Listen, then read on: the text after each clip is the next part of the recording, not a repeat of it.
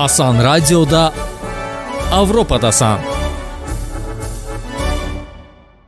Hər vaxtınız xeyir Asan Radio dinləyiciləri. 100 FM dalğasında Avropadasan proqramıdır. Sizinlə mən Şəfəq Mehrəliyeva Azərbaycanın da bir hissəsi olduğu Avropa bölgəsi, xüsusilə də Avropa İttifaqı və onun üzv dövlətləri barədə danışırıq.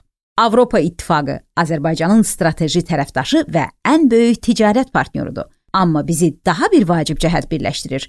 O da çox millətli və çox dilli məkan olmağımızdır. İttifaqın 24 rəsmi dili olsa da, ümumilikdə qitənin 800 milyon əhalisi 225 müxtəlif dildə danışır. Məhz belə zəngin müxtəlifliyi bayram etmək üçün 2001-ci ildən etibarən Avropa Şurası Avropa Komissiyası ilə birgə sentyabrın 26-sını təqvimə Avropa dilləri günü kimi salıb. Avropa Parlamentinin prezidenti Roberta Metsola günün mahiyyətini belə izah edir. None of our work, none of our messages make sense unless they can be heard in the 24 official languages of the EU. Bizim işimiz dünyanın ən müxtəlif parlamenti olaraq Avropa İttifaqının 24 rəsmi dilində aparılmasa, onun heç bir mahiyyəti yoxdur. Qəbul etdiyimiz qanunlar bütün avropalılara onların anladığı dildə əlçatan olmalıdır. Çünki parlament üzvləri bilavasitə onlara cavabdehdilər. Bununla yanaşı, Avropa Parlamenti işini 24 dildə quraraq bütün üzv dövlətlərin vətəndaşlarına seçkilərdə namizəd kimi iştirak etmək üçün də onların öz dilində imkan yaradır. Biz dil müxtəlifliyini bizi ayıran deyil, birləşdirən amil kimi istifadə edirik. Beləliklə, Avropa İttifaqının hər bir vətəndaşı Avropa adlanan layihənin bir hissəsi olmağı bacarsın. Avropa Dilləri Günü qeyd olunarkən burada ən fəal iştirak edən məktəb və universitetlər olur. Yeni dil öyrənməyin vacibliyi, millətlər və mədəniyyətlər arası anlaşmanın artırılması üçün müxtəlif dillərdə danışmaq bacarığının zəruriliyi sinif otaqlarında diqqətə çatdırılır. Bu il Azərbaycanda da Avropa Dilləri Günü təhsil ocağında qeyd olundu. Avropa İttifaqı Mədəniyyət üzrə Milli Təsisatlar şəbəkəsinə daxil olan 8 ittifaq üzv dövlətinin o cümlədən Latviya, Litva, Macarıstan, Polşa, Çexiya, Rumıniya və Yunanistanın diplomatları digər Avropa ölkələri diplomat həmkarlarına qoşularaq Xəzər Universitetində Avropa dilləri gününü qeyd etdilər. Universitet tələbələri qonaqları Avropa İttifaqının 24 rəsmi dilində salamladı.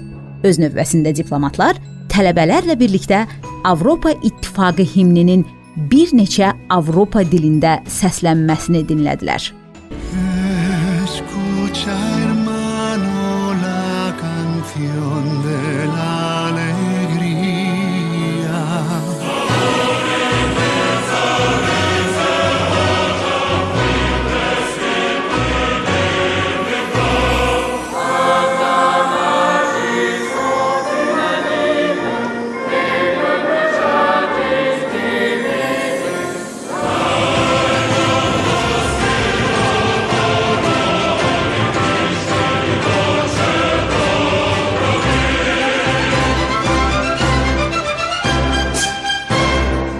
Tədbirdə Xəzər Universitetinin müəllim heyəti Hind-Avropa dillərinə aid məruzə ilə çıxış etdi. Tələbələr eşitdiyiniz hansı dildə adlı əyləncəli oyunda iştirak etdilər. Xəzər Universitetində Avropa Dilləri Günü ilə bağlı tədbir Avropa İttifaqı Mədəniyyət üzrə Milli Təsisatlar şəbəkəsində hazırda sədrlik edən Latviyanın diplomatik nümayəndəliyinin və Avropa İttifaqının Bakıdakı nümayəndəliyinin birgə təşkilatçılığı ilə baş tutmuşdu. Bu gün Avropadasanda Latviyanın ölkəmizdəki səfiri Edgars Skuya ilə söhbət edirik. Cənab səfir, proqramımıza xoş gəldiniz və əslində Bakıya yeni təyinatınızı nəzərə alaraq Azərbaycana da xoş gəlmisiniz. Yəqin ki, bir diplomat üçün öz ana dilini təmsil etmək böyük şərəfdir. Xəzər Universitetində Avropa dillərini təqdim etmək necə bir imkan idi? Təəssüratınızı bölüşün lütfən. Thank you to Avropada Sun radio program uh, for kind words and for welcoming me. And it is indeed a great honor and pleasure for me to represent my country uh, here in Azerbaijan. Uh, Avropada San proqramına uh, xoş sözlərə görə təşəkkür edirəm. Doğrudan da ölkəmi Azərbaycanda təmsil etmək mənim üçün böyük şərəfdir. Xəzər Universitetində keçirdiyimiz Avropa dilləri günü ilə bağlı tədbir mənim səfir kimi iştirak etdiyim ilk tədbirlərdən biri idi. Qeyd etdiyiniz kimi, burada Latviya Avropa İttifaqı Mədəniyyət üzrə Milli Təsisatlar şəbəkəsində hazırki sədr kimi çıxış edirdi. 26 sentyabr Avropa Dilləri Günüdür. Bu təqvim 2001-ci ildə Avropa Şurasının təşəbbüsü ilə qeyd edilməyə başlamışdı. Avropa Dilləri Günü tədbiri Latviya səfirliyinin təşəbbüsü ilə təşkil edilsə də, Xəzər Universiteti və digər Avropa ölkələri nümayəndəliklərindəki həmkarlar bu tədbirdə bizə böyük dəstək verdilər. Xüsusilə də diplomatlar bizim səylərimizə qatılaraq hər biri öz ana dillərinin melodiyasını və müxtəlifliyini bizə hiss etdirmək üçün çalışdılar. Xəzər Universitetinin tələbələri də həmçinin bizə dil müxtəlifliyini yaradıcı şəkildə nümayiş etdirdilər. Mən şəxsən bu tədbirdən çox məmnun qaldım. I was pleased to, to participate in, in this event. Multidillik Avropa İttifaqına hansı üstünlükləri gətirir? Xüsusilə nəzərə alaraq ki, son zamanlar ingilis dili demək olar ki, dünyada ən çox istifadə edilən dildir.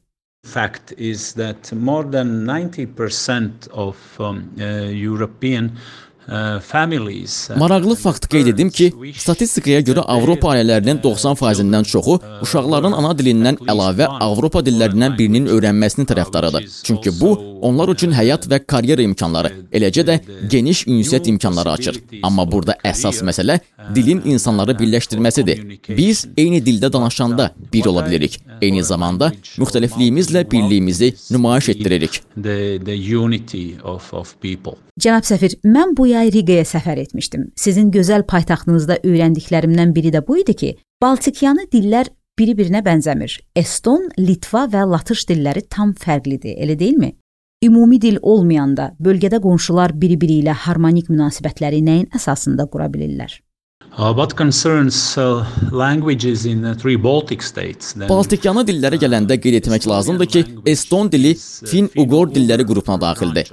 Litva və Latış dilləri isə Baltik dillər qrupuna məxsusdur. Ona görə bu iki dil arasında oxşarlıqlar var. Litvalılar danışanda Latışlar onların nə barədə danışdığını təxmin edə bilir, amma sərbəst ünsiyyət qurmaq üçün oxşarlıqlar kifayət qədər deyil. Münasibətlərə gəldikdə isə biz onları daha çox ümumi tariximiz əsasında qururuq. Hər üç Baltikyanı ölkə müstəqilliklərini 1-ci Dünya müharibəsindən sonra bəyan etmişdi. O zamandan bəri biz birgə çox çətin vaxtlardan keçmişik. Təəccüblü deyil ki, bu gün bir sıra eyni dəyərləri paylaşırıq və bizi birləşdirən də məhz bu dəyərlərdir. kind of the same values we, we enjoy together. Bəlkə fürsətdən istifadə edib bizə bu gün latış dilində nə isə öyrədəsiz. Məsələn, salam və təşəkkürü necə deyirsiniz? The grammar is, I, I must say, it's complicated. Latış dilini öyrənmək o qədər də asan deyil, çünki qrammatikası mürəkkəbdir. Amma əlbəttə ki, namümkün deyil, çünki kifayət sayda beynəlxalq tələbələr gəlib Latviyada dilimizi öyrənə bilirlər. Sadə sözlərə gəldikdə isə salam və yaxud günaydın latış dilində labdien deməkdir. Təşəkkür paldies deməkdir. Salamı həm də sveks kimi də deyə bilərsiniz. Azərbaycanda səfir kimi ilk günlərinizdə Latviya-Azərbaycan münasibətlərinə baxanda necə görünür? Uh, relations, uh, Münasibətlərimizə gəldikdə, bura təyinatımın ilk günündən günlərim çox fəal və məşğul keçir. Latviya və Azərbaycan arasında çox yaxşı dost münasibətləri qurulub. Birgə çox sayda layihələr həyata keçiririk. Sağlam siyasi dialoqumuz var. İqtisadi və ticarət əlaqələrimiz də genişlənir. Bəlkə də hələ ki istədiyimiz kimi sürətli deyil, amma burada potensial böyükdür. Ümumilikdə çox müsbət və dostcasına əlaqələrimiz var və mən burada diplomatik təyinatım dövründə bu münasibətləri eyni ruhda daha sürətli irəliləmək üçün əlimdən gələni edəcəm. uh. Təşəkkür edirəm cənab səfir. Paldies. Musiqi fasiləmiz isə təbii ki, bir müddət Bakılı adını daşıyıb az konsertin solisti olan Latviya estrada səhnəsi ulduzu Layma Whitepule'dən gəlir. Я отвела смущенно в сторону глаза С ресниц скользнула по щеке предательски слеза Я прошептала еле слышно все прощай. И зашагала прочь в объятия зимней ночи. Ты не посмел меня остановить тогда. В тот миг с тобою обвенчалась горькая беда. Безвольно руки уронив, рассыпал ты Гранатовые зерна, осколки солнца. Горят гранатовые зерна на снегу. Девчонкой юной несмышленною К тебе бегу. В твоей руке моя рука Но я близка и далека. Я только сон твой Горят гранатовые зерна на снегу. Девчонкой юной несмышленною К тебе бегу. В твоей руке моя рука Но я близка и далека. Я только сон твой Сон твой Твой сладкий сон this song. Asan Radio'da Avropadasan.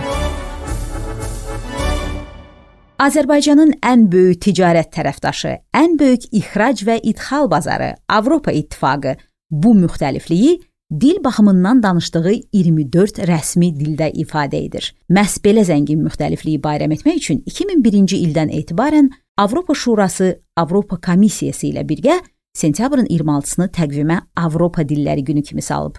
Avropa dillərinə Azərbaycan gəncləri arasında maraq nə qədərdir?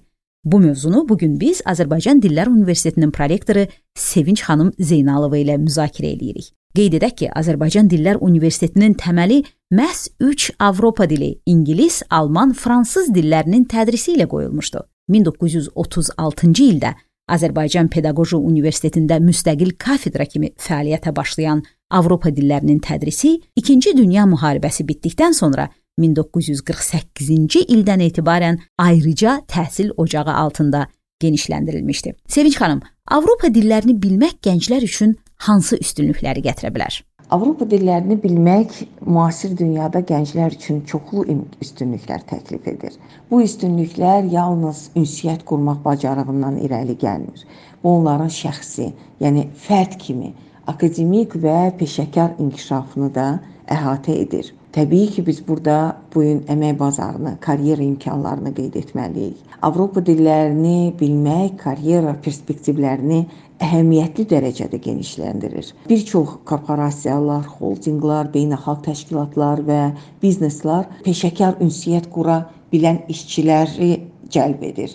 Bu biznes və maliyyədən tutmuş turizm və otelçiliyə qədər müxtəlif sahələri əhatə edir və orada bizim tələbələr üçün geniş imkanlar açır. Daha sonra hansı üstünlükdür? Keyfiyyətli təhsil almaq. Avropanın bir çox nüfuzlu universitetləri və akademik proqramları ingilis və digər Avropa dillərində e, kurslarını təklif edir. Bu dilləri bilmək dünya səviyyəli təhsil və tədqiqat imkanlarına qapı aça bilər. Avropa dillərini bilmək gənclərə onların mədəni şuurunu və şəxsi inkişafına yönəlmiş bacarıqlarını gücləndirir.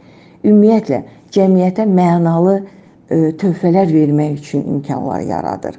Multikultural dəyərləri aşılamaq üçün unikal fürsətdir. Sevinç xanım, Avropa dillərinin tədrisini səmərəli qurmaq üçün Avropa İttifaqı ilə hər hansı əməkdaşlıq aparılırmı? Beynəlxalq tərəfdaşlıqlar varmı? Mən burada Avropa ölkələri ilə əlaqədar olaraq Erasmus çərçivəsində təhsili davam etmək və yaxud yarım semestrlıq, bir semestrlıq tədrisdə qeyd etmək istəyirəm. Bu çərçivədə tələbələrə tərəfdaş universitetlərdə təhsil almaq üçün geniş imkanlar yaradılır. İndiyədək 500-dən çox tələbə Avropanın müxtəlif universitetlərində təhsil alıb. Biz bu gün ADU-da sadəcə həmin dillər üzrə müəllimlik proqramı deyil, bu regionşünaslıq proqramlardır, həmin ölkələrin filoloqlardır, həmin dillər üzrə tərcüməçilərdir. Avropa dillər gününü qeyd edərkən biz hər kəsi bu dilləri öyrənməyə, bu dillərə yiyələnməyə, ümumiyyətlə bu əsrarəngiz dünyanı kəşf etməyə dəvət edirik. Bu təkcə maraqlı karyera perspektivləri deyil, yenə də qeyd edirəm, həm də mədəniyyətlər arası ünsiyyətin zəngiləşməsinə sövq edən bacarıqdır. Təşəkkür edirəm. Qonağımız Azərbaycan Dillər Universitetinin tədris məsələləri üzrə prorektoru Sevinç xanım Zeynalova idi. Bu gün Avropa Dilləri Günündən danışdıq və millətlər arası və mədəniyyətlər arası anlaşmanın artması üçün dillərin öyrənilməsinin əhəmiyyətindən. Burada məktəblərin və universitetlərin vacib rolu var. Balqaristan şairəsi Rada Kazalinska'nın tabirincə desək, Država koja to ne stroju učiliša i biblioteki stroya zatvori. Məktəb və kitabxanalar tikməyən ölkə həbsxanalar tikməyə məhkumdur. Növbəti Avropadasanda görüşənədək. Asan radioda Avropadasan.